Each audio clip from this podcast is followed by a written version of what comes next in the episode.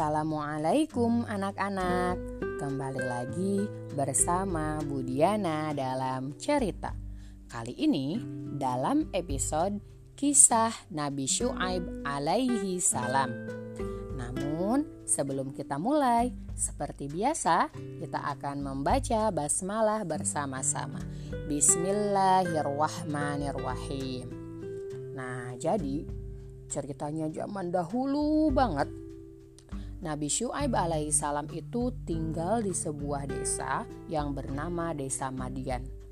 Nah, di Desa Madian ini sangat terkenal dengan kaumnya atau masyarakatnya atau warganya yang selalu mengurangi timbangan ketika berdagang.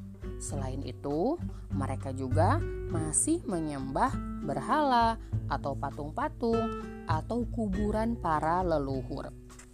Nah, singkat cerita, pada masa yang sangat kritis itu, Allah Subhanahu wa taala mengutus Nabi Syu'aib alaihi salam untuk menjadi rasul untuk menyeru kepada kaumnya agar tidak melakukan hal-hal yang tidak terpuji karena Nabi Syuaib merupakan seseorang yang sangat ramah, penyebar dakwah, berkemauan keras, pemikir yang cerdas dan taat kepada Allah Subhanahu wa taala. Nabi Syuaib alaihi salam akhirnya memberanikan diri untuk menyeru kepada kaumnya. Wahai kaumku, sembahlah Allah Subhanahu wa taala. Tiada Tuhan selain Dia dan janganlah kamu mengurangi takaran dan timbangan Sesungguhnya aku melihat kamu dalam keadaan yang baik, dan sesungguhnya aku mengkhawatirkanmu akan azab pada hari yang membinasakan. Demikian seruan dari Nabi Shu'aib alaihi salam kepada kaumnya.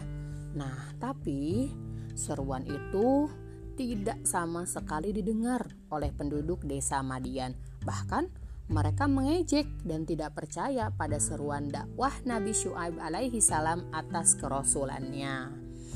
Nah, penduduk desa Madian ini tergolongnya itu orang-orangnya kaya raya. Tetapi kebiasaan mereka itu tadi suka mengurangi takaran atau timbangan dalam jual beli. Oleh karena itu, Nabi Syuaib alaihi salam tidak pernah lelah untuk memberi peringatan kepada mereka Beliau takut dan sangat kasihan jika nanti mereka disiksa oleh Allah Subhanahu wa taala karena perbuatan-perbuatan mereka yang sangat tercela. Akhirnya Nabi Syuaib alaihi salam menyampaikan dakwah kepada kaumnya. Allah Subhanahu wa taala berfirman yang artinya sempurnakanlah takaran dan timbangan dan jangan kamu merugikan orang sedikit pun Janganlah kamu berbuat kerusakan di bumi setelah diciptakan dengan baik. Surat Al-A'raf ayat 85. Nah, ketika selalu mendengar seruan atau dakwah dari Nabi Syuaib, akhirnya penduduk desa Madian berkata, "Wahai Syuaib, Sholatmu itu menyuruh kamu agar kamu meninggalkan apa yang telah disembah bapak-bapak kami atau melarang kami berbuat apa yang kami kehendaki tentang harta kami. Sesungguhnya kamu adalah orang yang penyantun lagi berakal. Nah, itu kata-katanya kaum Nabi Syuaib alaihi salam. Sebenarnya mereka berkata demikian itu untuk mengejek Nabi Syuaib alaihi salam dengan mengatakan beliau itu baik, sebenarnya lebih baik tidak perlu memberi peringatan kepada mereka. Selain itu, mereka juga mengatakan Nabi Syuaib alaihi salam berakal. Tidak lain adalah supaya ketika Nabi Syuaib alaihi salam melihat kemungkaran yang dilakukan kaumnya, Nabi Syuaib tidak perlu memberi nasihat kepada mereka. Jadi disindir oh, dakwahnya Nabi Syuaib alaihi salam itu malah dicemooh atau diejek. Nah, kemudian setelah itu Nabi Syuaib tetap tidak putus asa untuk menyampaikan isi hatinya dengan penuh keteguhan. Yang selanjutnya selalu memperingati kaumnya dan berkata, "Hai kaumku, bagaimana perasaanmu? Aku diberi tanda bukti yang jelas dari Allah Subhanahu wa Ta'ala dan diberi rizki yang halal dan banyak. Peringatanku kepadamu bukan hanya untuk aku jalani sendiri." Aku melarang mengurangi takaran dan timbangan itu tidak lain supaya kamu mendapat kebaikan. Jika kamu dapat melakukan kebaikan dengan benar, itu tidak dari perbuatan siapa-siapa, kecuali dari kehendak Allah Subhanahu wa Ta'ala. Aku hanya menyampaikan, dan jika ada suatu rintangan, aku memohon pertolongan kepada Allah Subhanahu wa Ta'ala bersegeralah memohon ampunan kepada Allah serta tinggalkan perbuatan mengurangi takaran dan timbangan. Sesungguhnya Allah Subhanahu wa taala akan memberi ampunan kepada orang yang bertaubat dan mengasihi hambanya yang beriman. Nah, kira-kira menurut kalian setelah Nabi Syuaib alaihissalam berkata seperti itu, apa yang kaum desa Madian katakan atau lakukan? Kira-kira apakah mereka mendengarkan dakwah Nabi Syuaib? Ternyata tidak. Mereka justru menghina dan mengatakan bahwa Nabi Syuaib alaihi salam adalah orang yang rendahan. Jika Nabi Syuaib alaihi salam tidak mempunyai keluarga, pasti akan dilempari batu dan pasti akan terasa hina sekali. Itulah kata-kata penduduk desa Madian kepada Nabi Syuaib alaihi salam. Selain itu, penduduk desa Madian juga menuduh Nabi Syuaib alaihi salam sebagai seorang yang kena sihir atau hilang akal. Luar biasa ya ini sangat mereka ini kebal, kebal dengan dakwah. Mereka malah mencaci maki menghina Nabi Syuaib alaihi salam.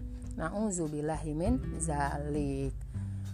Setelah berbicara dengan kaumnya, bukannya mereka ingat dan mau mengikuti ajaran Nabi Syuaib alaihi salam, tetapi justru penduduk desa Madian menghina lagi terus ketika setiap kali Nabi Syuaib mengajak berdakwah, mereka balas dengan hinaan. Nah, akhirnya pemuka-pemuka kaum Madian berkata kepada masyarakat, "Jika mengikuti Syuaib, pasti kamu menjadi orang yang sangat merugi."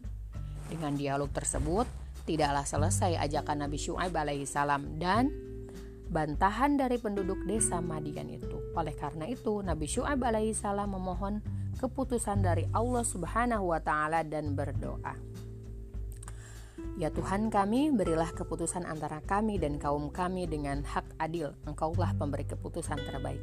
Surat Al-A'raf ayat 89. Allah Subhanahu wa taala mendengar doa hambanya yang bertakwa itu. Kemudian Allah Subhanahu wa taala menurunkan siksa pada hari Zullah atau hari naungan, yaitu siksa pada hari yang menakutkan karena awan yang biasanya mendatangkan air tetapi mendatangkan hujan api atau petir.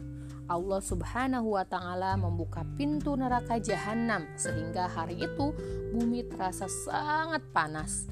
Penduduk desa Madian bernaung masuk ke dalam rumahnya, tetapi bertambah panas, jadi mereka tidak bisa lari ke mana pun.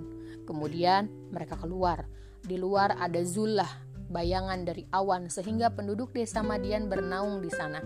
Tetapi kemudian mereka dihujani api. Semua penduduk Madian hancur beserta tempat tinggalnya. Adapun Nabi Syuaib alaihissalam beserta orang-orang mukmin pengikutnya terhindar dari siksa karena mendapat rahmat dari Allah Subhanahu wa taala. Nah, begitulah kisah dari perjuangan dakwah Nabi Syuaib alaihi salam yang akhirnya tentunya mendapatkan pertolongan dari Allah Subhanahu wa taala karena beliau pantang menyerah, tetap berdoa, tetap melakukan kebaikan walaupun telah dihina, dicaci maki, direndahkan oleh kaum desa Madian. Oke, terima kasih telah mendengarkan cerita hari ini. Sampai jumpa di Budiana dalam cerita pekan depan. Kita akhiri dengan mengucapkan hamdalah. Alhamdulillahirrabbilalamin. See you. Wassalamualaikum warahmatullahi wabarakatuh.